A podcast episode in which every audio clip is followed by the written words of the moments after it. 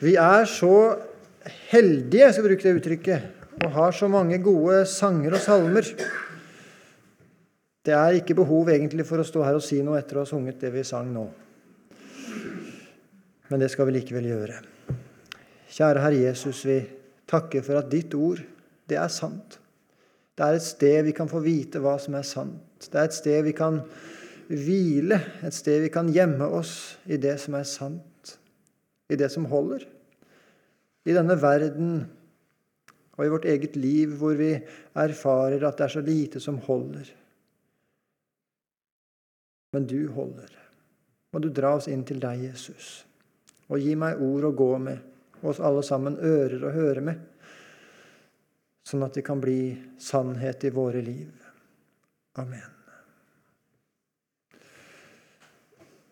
En stor fordel med å ha timer sånn som vi har på bibelskolen her, er at når man ikke får sagt alt det man ville si i forrige time, så kan man fortsette neste time.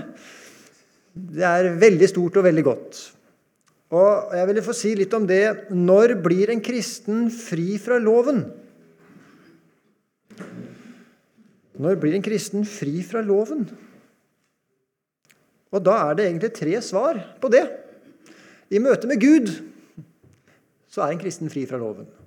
Som om han eller henne aldri hadde gjort en eneste synd. Ingen krav. Der du sitter nå med dine tanker som ikke er rene, så regner ikke Gud med dem hvis du er en kristen. Er det virkelig sant? Ja, det er virkelig sant. Gud håper ikke på at du en dag skal bli sånn som du skulle vært, og så kan han rekke deg sin nåde. Du er satt utenfor i regnskapet. Gud holder ikke regnskap med deg hvis du er en kristen. Da er du skjult i Jesus. I forhold til synden så er loven min frihet. I forhold til synden så er loven min frihet. Og da er det godt å holde seg til loven. Da er det godt å være ren, da er det godt å være fri. Fordi loven, den er til ødeleggelse. Synden er til ødeleggelse. Der er loven min frihet. Og i forhold til mine medmennesker så er loven min rettesnor. Der blir jeg aldri fri fra loven. Der krever loven mitt hjerte. Alle mine penger, all min tid, all min kjærlighet. Aldri fri. Når er så striden endt? Jo, striden den ender først for en kristen når mennesket dør. Og for en verslig så ender det aldri. Aldri.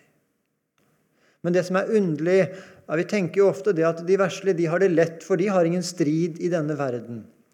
Men en verslig, altså en som ikke hører Gud til, lever alltid i strid med Gud. Så en verslig har heller ikke fred.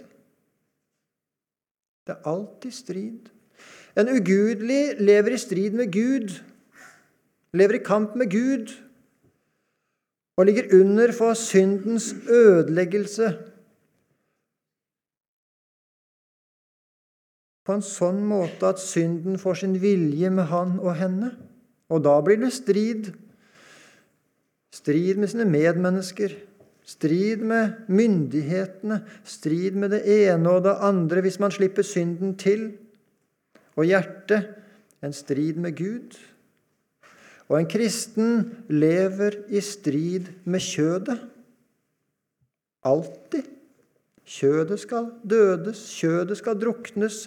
Ingen frihet for kjødet. I det øyeblikket en kristen tenker at når jeg er fri fra loven, så behøver jeg ikke lenger å ta det så alvorlig med synden, i det øyeblikket er en kristen i ferd med å falle fra, og vil falle fra hvis hun eller han blir værende på den veien. Det er først når et menneske tar det alvorlig med synden og blir værende i kamp mot synden, at et menneske forskrekkes over seg selv. Når noen for alvor forsøker å leve helt og fullt etter Herrens bud og motstå og avlegge enhver synd, det skal en kristen gjøre. Og det er en kristens liv. Da begynner et menneske å forskrekkes over seg selv. Da opplever det rett og slett at det ligger under for syndens makt. At det er en trell solgt under synden. Her er beskrivelsen av kjødet. Og det bærer også en kristen på. Og den erkjennelsen at kjødet er sånn, sånn er jeg, det er mitt gamle menneske, det må holdes fram for meg daglig. Eller så blir jeg enten værende i synden, eller tenker det er ikke så farlig med synden, eller så blir jeg egenrettferdig. Når et menneske virkelig forskrekkes over seg selv fordi det tar loven alvorlig, da får du se at Gud han vil ikke bare ha gjerninger, men han vil ha hjertets kjærlighet. Han vil ha hjertets lyst. Og nå kan vi ikke lenger et menneske si at, at vi elsker Gud. Nei, nå vil et menneske virkelig elske Gud. Men den erkjennelsen kommer da når et menneske søker å elske Gud, at, at hjertet er kaldt i møte med Gud, men fullt av kjærlighet til alt mulig annet. Så vi først og fremst tenker på oss sjøl, uten videre tanke på andres ve og vel. Og når vi burde vært opptatt med å våke og be, da er vårt sinn adspredt og uanfektet. Og når jeg burde vært sønderknust og angrende over denne tilstanden, så er jeg lettsindig, hard og sikker. Og på denne måten så lærer menneskene gjennom loven å kjenne hvor fulle av synd de er. Forutsatt at de ikke bare vil vite om Herrens vilje, men også i fullt alvor er innstilt på å leve etter den. Sitat Rosenius. Denne erkjennelsen av hvor svikefull jeg er, av min skyldighet i forhold til loven, den kommer altså bare når et menneske er innstilt på å leve etter loven. Og det er en kristen. Ikke for å bli rettferdig for Gud, men for nå er synden min fiende. Nå er synden det jeg er mest redd for, for jeg kan ikke miste min Jesus. Og hvis jeg går på syndens vei, det har jeg erkjent og erfart så mange ganger, ikke sant? det er du også som en kristen Hvis du går på syndens vei, så forlater du Jesus. Jesus forlater ingen. Jesus har aldri forlatt den eneste synder. Men jeg å, jeg er så raskt på vei bort ifra Jesus. Og så er det altså sånn at Gud han kan ikke være hos den som blir i synden. Forstå meg rett. Det gjør han ikke. Men du skjønner hva jeg mener. Ja.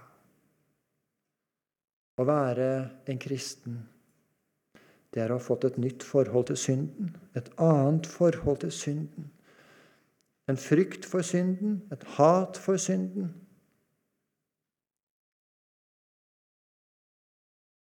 Et forhold som sier at synden er nå min fiende, og synden den vil ta fra meg mitt aller mest dyrebare, og det er Jesus. Og likevel bærer jeg på et kjød som ikke er i stand til å holde seg borte fra synden. Jeg bærer på et kjød som her jeg står, og der du sitter, lever like, like sterkt. Det er fryktelig. Ren og uren. I møte med Gud så har jeg en tilregnet renhet som jeg aldri hadde gjort en eneste synd. Det har du også hvis du er en kristen.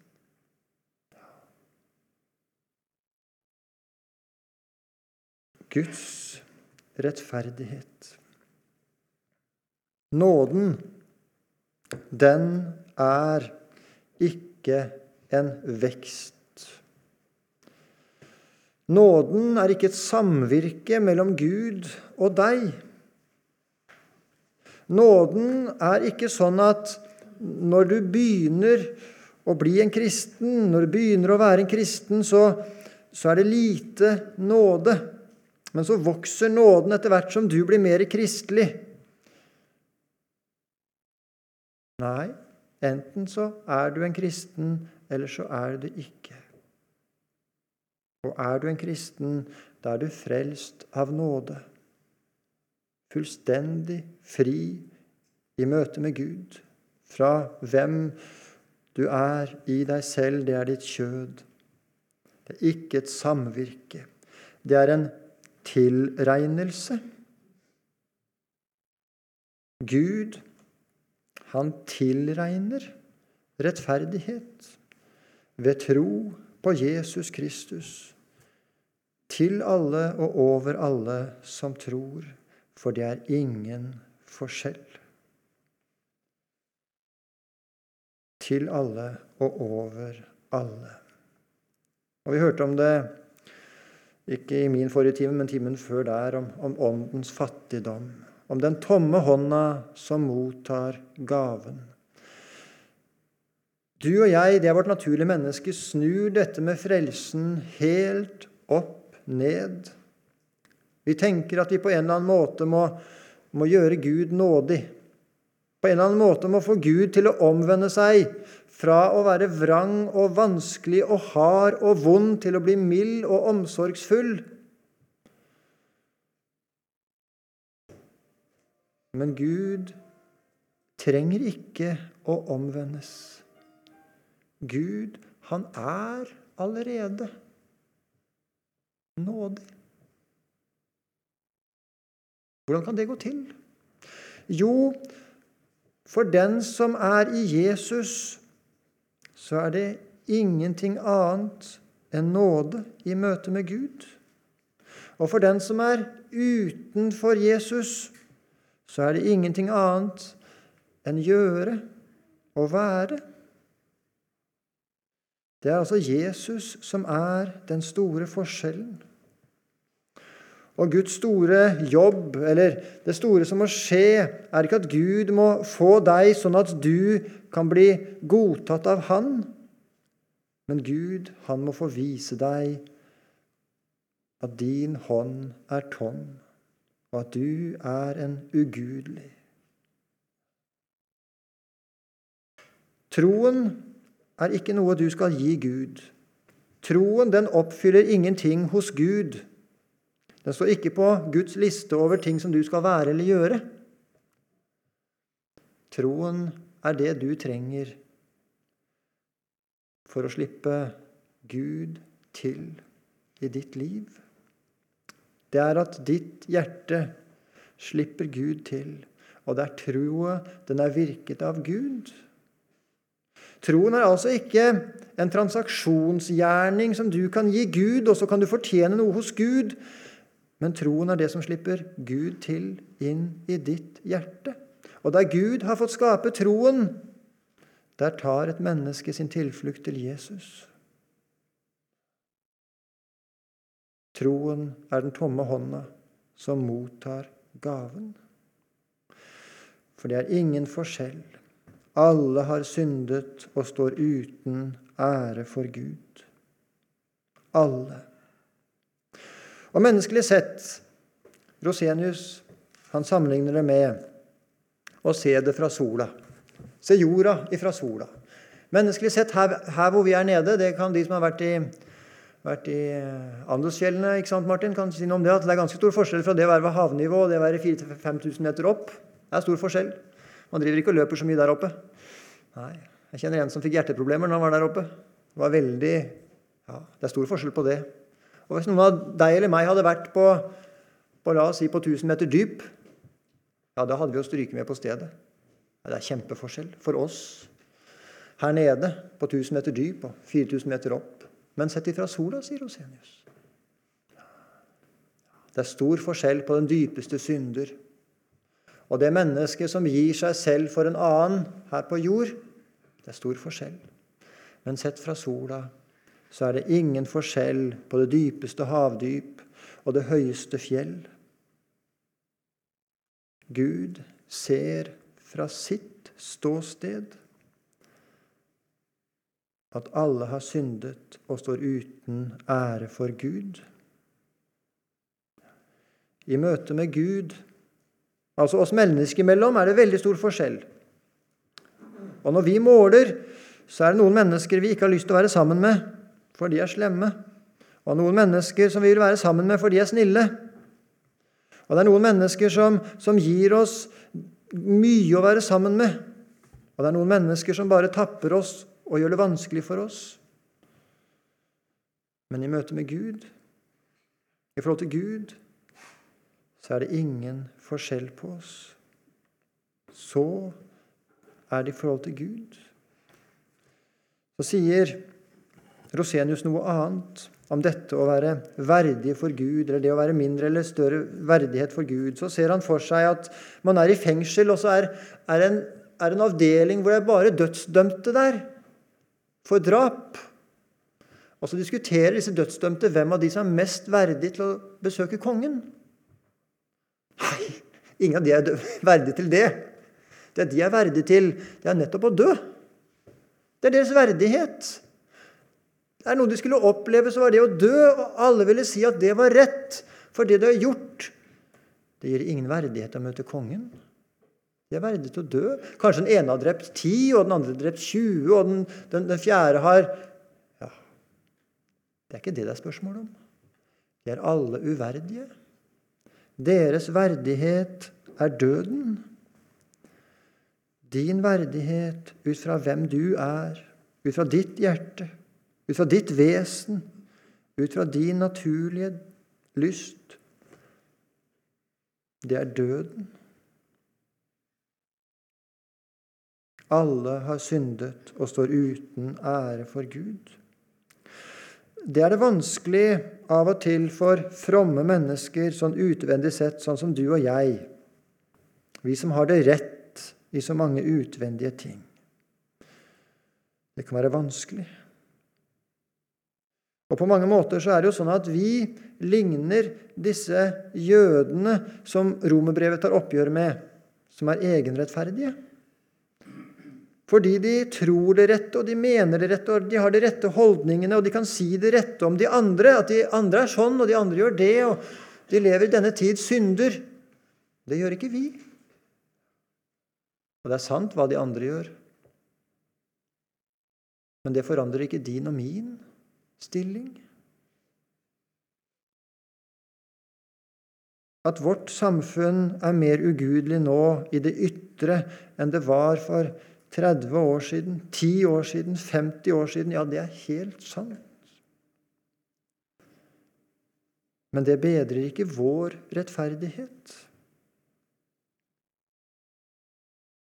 Alle har syndet og står uten ære for Gud. Og så er det sånn at den egenrettferdigheten som vi kan heve oss over de andre med, den er jo egentlig en mye større synd enn disse åpenbare syndene som de andre har gjort. For de andre, de vet ikke bedre.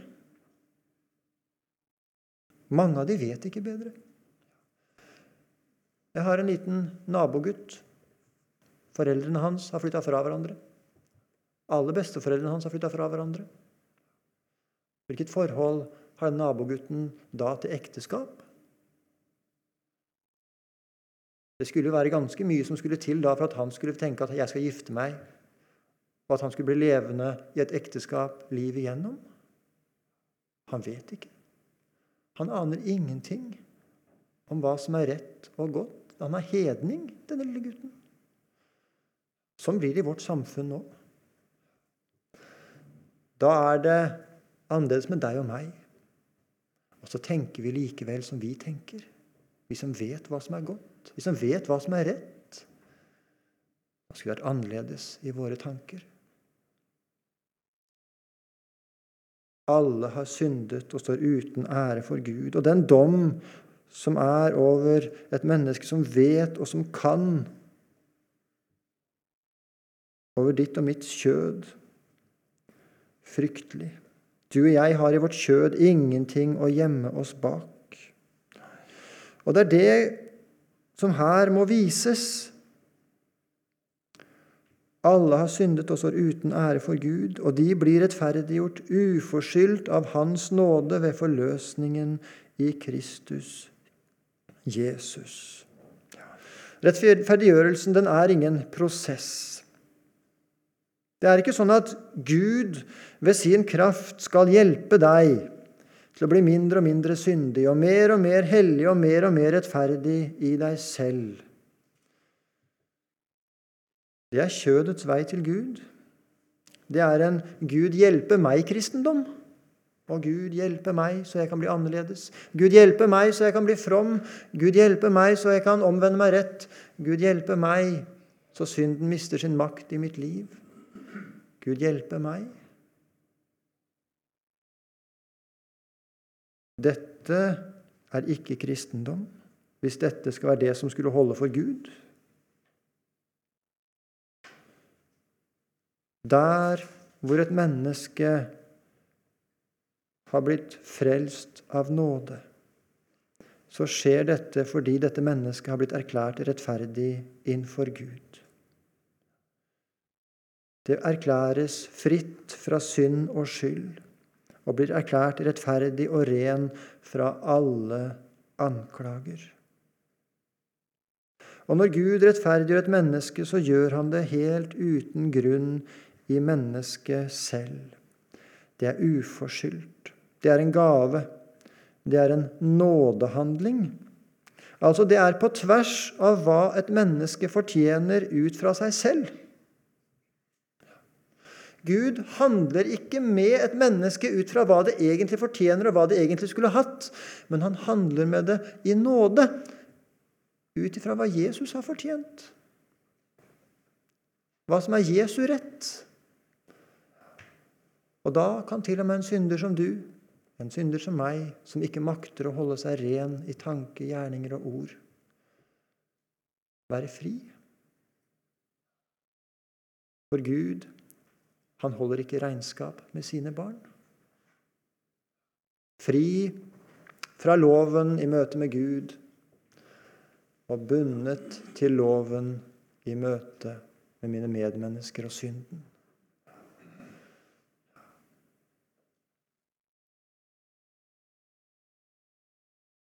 Hvorfor det? Jo, fordi syndens krav er Altså lovens krav, ikke syndens krav. Lovens krav er oppfylt. Ja. Han har ikke noe mer som han skal ha. Nå har jeg drukket litt av den. Ja, Det er godt å kunne drikke av den. Men, men lovens krav er oppfylt. Det er ingen krav mer mellom Gud Og det er det eneste som et menneske altså kan møte Gud med. Det eneste mennesket kan ha frihet i. at jeg ved Jesus er ren. Det er en fremmed rettferdighet. Jeg tilregnes Jesu verk og all hans rettferdighet. Fordi synden er sonet og oppgjort, fullkommen rettferdig og hellig. Fordi Jesu rettferdighet og hellighet er tilregnet en kristen. Den som er rettferdiggjort ved troen på Jesus, står for Gud som om han aldri hadde gjort en eneste synd. For en kristen så er dette et under. For en kristen er dette det største under av alle ting. Og Sånn er det fordi en kristen i større og mindre grad har vært innom loviskhet. Har vært innom det å skulle fortjene noe hos Gud.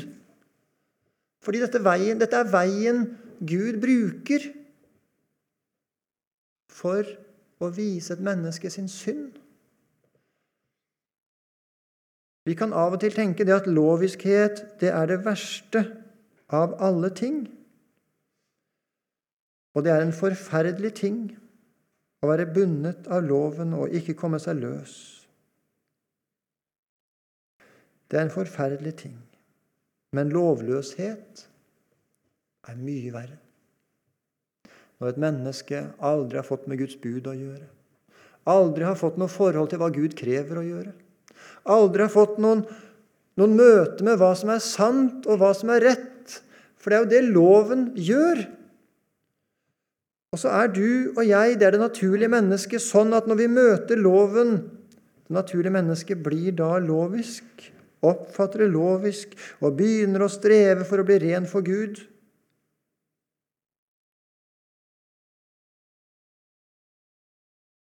Og så kan Gud få sette et menneske i frihet. Og da erklærer Gud den troende for fri fra alt det han selv er og har gjort, og tilkjenner ham alt det som Jesus er og har gjort. Det er det salige plassbyttet. Rettferdiggjørelsen den har en dobbel virkning. Den troende fraregnes sine synder, dvs. Si får syndenes forlatelse. Og den troende tilregnes Jesu rettferdighet, ja, står for Gud i Kristus Jesus. Dette er den historiske realiteten som verdenshistorien egentlig handler om. Verdenshistorien handler egentlig ikke om andre verdenskrig eller Napoleon eller menneskerettighetene. Det er egentlig dette verdenshistorien handler om. Hvem Gud er, og hvordan han har handlet. Og hvordan det står til mellom menneskene og Skaperen. Det er så mye du og jeg hører i vår tid som ikke er sant. Det er så mye du og jeg fylles med av tidsånden som ikke er sant.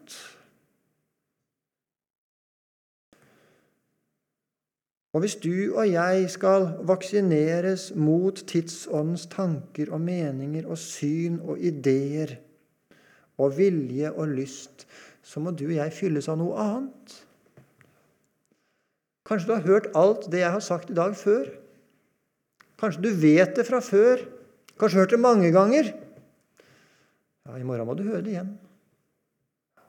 Du må fylle deg igjen. Fordi dette er livet. Og dette er det som fører deg dit at du kan bli bevart fra hvem du er i deg selv.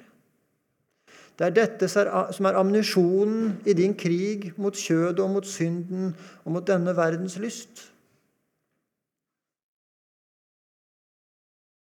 Det snakkes i, om krigen i Ukraina at så lenge ukrainerne får den ammunisjonen de trenger fra Vesten, for de våpnene de trenger fra Vesten, så, så kan de holde stand.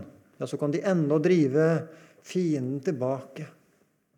Men får de ikke det,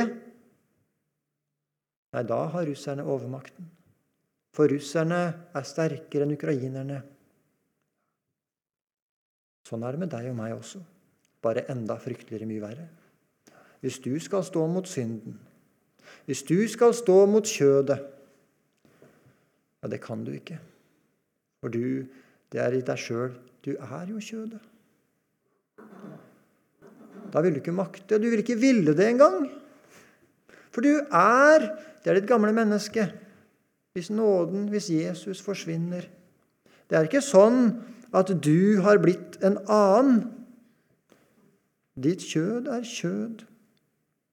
Og det er bare så lenge Gud har tatt bolig i ditt hjerte, det er bare så lenge Jesus bor i ditt hjerte, at du hører Han til og er på vei til himmelen.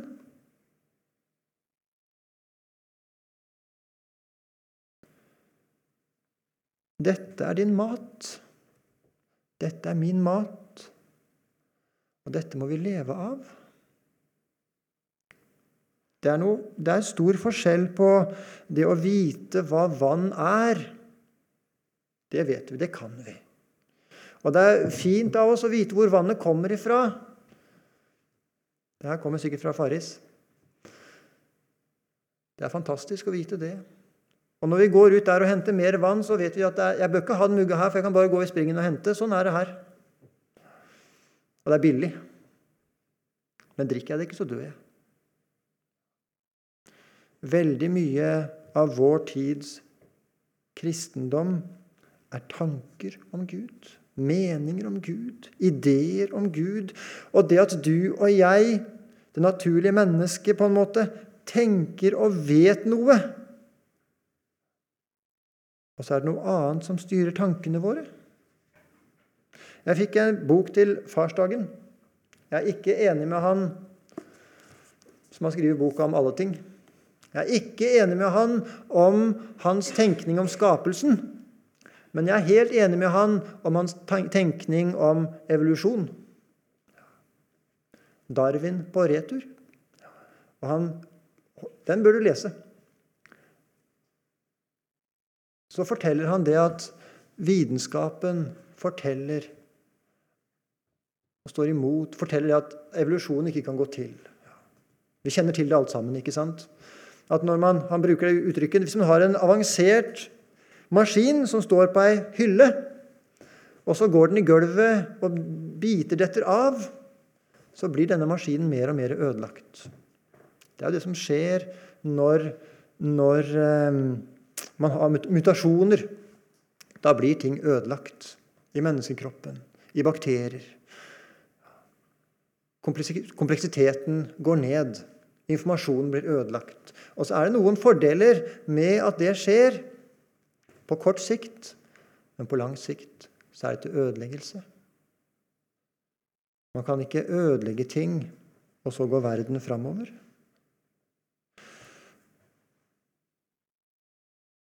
Evolusjonen er et bedrag. Jeg har en katt hjemme. Tenkte jeg skulle fortelle dere om det. Jeg har en katt hjemme. Til morgenen i dag så sto den der den pleier å stå, på utsiden av kjøkkenvinduet. På verandarekkverket der, og så sto den og så mjaua på meg, og så så han på meg, og så sier 'Jeg vil inn', sa den. 'Jeg har tenkt meg inn, og du skal gi meg mat'. Så jeg åpna døra, for det er jo umulig å stå på kjøkkenet og høre den stå der og mjaue. Så jeg åpna døra, så kikka han på meg, og så gikk den bort til matskåla si, og så kikka han på meg opp og kikka på skåla og sier 'Skåla er tom. Du må fylle skåla mi'. Denne kommunikasjonen hadde katten og jeg. Denne katten har en bevissthet. Ikke som et menneske. Det er et dyr. Den har en bevissthet. Alle som har hatt med et dyr å gjøre, vet at et dyr har en eller annen grad av bevissthet. Og så er det sånn at jeg sto og lagde frokost til Erling. Og han hadde fiskepudding, så jeg sto og skar opp fiskepudding. Og så kommer katten bort, for den lukter jo at det er fiskepudding som foregår her. Og så skar jeg en bit fiskepudding og ga den til katten. Katten ville ikke ha den. Og så reiv jeg den i småbiter, la den i handa mi og holdt den foran katten, og katten spiste fiskepuddingen. Fordi det var en gang denne katten var syk, og så orka han ikke å spise. Og så håndmata Solveig denne katten. Ga den mat. Bit for bit. Og etter det så spiser den pølse og fiskepudding bare på denne måten. Ja. Bortskjemt kan vi kalle den. Ja, det kan vi gjøre. Men her er det altså et vesen som har en bevissthet. Og det er i strid med evolusjonen. For evolusjonen sier at per natur så kan ikke bevissthet finnes. For det er noe som handler om samfunn. Tenk, jeg kan ha samfunn med en katt. På et veldig lavt nivå, altså. Men hva er det da med mennesker imellom? Jo, det er gudgitt. Det er skapt av Gud. Du og jeg, vi er, ikke, vi er ikke fysikk, vi er ikke kjemi. Bare. Vi er noe mer. Skapt av Gud til samfunn med hverandre.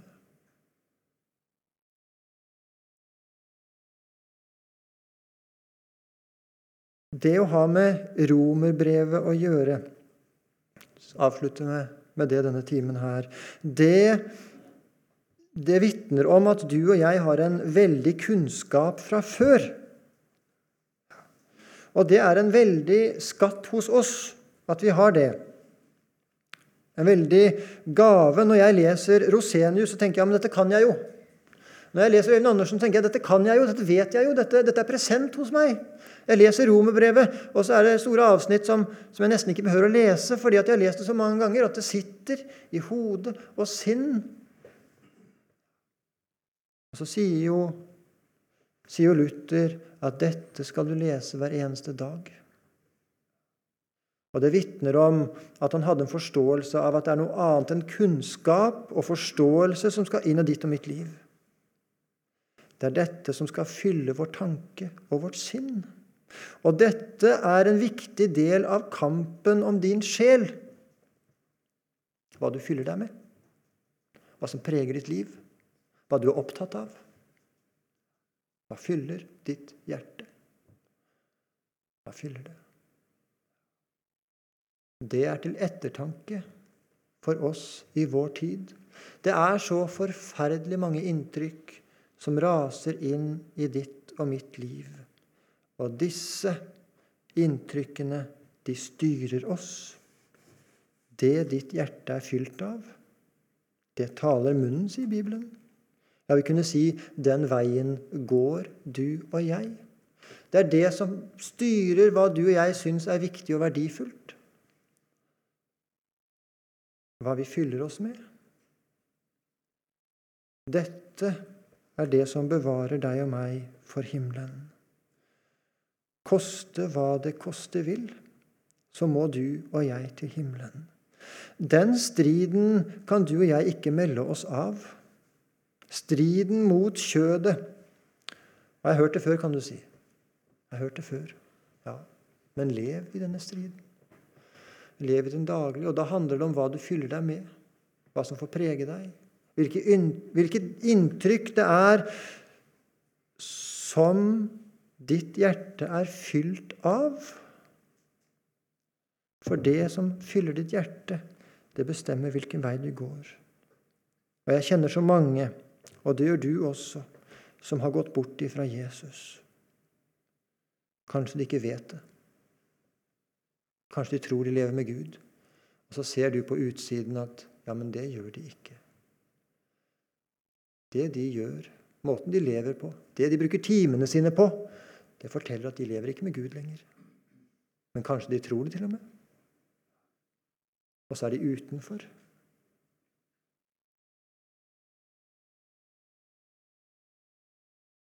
Kjære Herre Jesus. Må du gi oss utholdenhet i denne striden som vi er i. Utholdenhet i denne kampen som vi står midt oppe i. Og vi ber Jesus om at du må gi oss tørst på evangeliet. Tørst på denne sanne friheten. Friheten i deg og hva du er, og hva du har gjort. Og så ber vi Jesus bevare oss på himmelveien vi som er dine. Du kjenner oss langt bedre enn vi kjenner oss sjøl, og du kjenner hvor svake vi er. Vi tenker at når vi kan dette og vi vet dette, da er vi trygge. Altfor ofte tenker vi det. Nå må du bevare oss, Jesus, sånn at vi som er samla her denne formiddagsstunda, at vi blir bevart hos deg. Og er det noen her som ikke kjenner deg, eller som har sovnet, som har falt bort Jesus, så må du vekke opp igjen. Må du stanse opp igjen dette mennesket, så det igjen kan få en tørst på nåden og på det å høre til hos deg. Så takker vi for at du vil frelse. Du vil at hver eneste en her skal bli frelst. Du vil at hver eneste her skal få, skal få se seg glad og fri hos deg. Det takker vi for. Stell med oss, du, Jesus. Amen.